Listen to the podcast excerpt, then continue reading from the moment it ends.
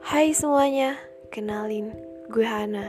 Hana adiknya Elsa, bukan Hana gadis biasa dari desa. Ya, hanya gadis biasa. Ini perkenalan dan awal semuanya. Dan tepat tahun ini, aku berumur 17 tahun. Dan mulai melangkah memikirkan masa depan.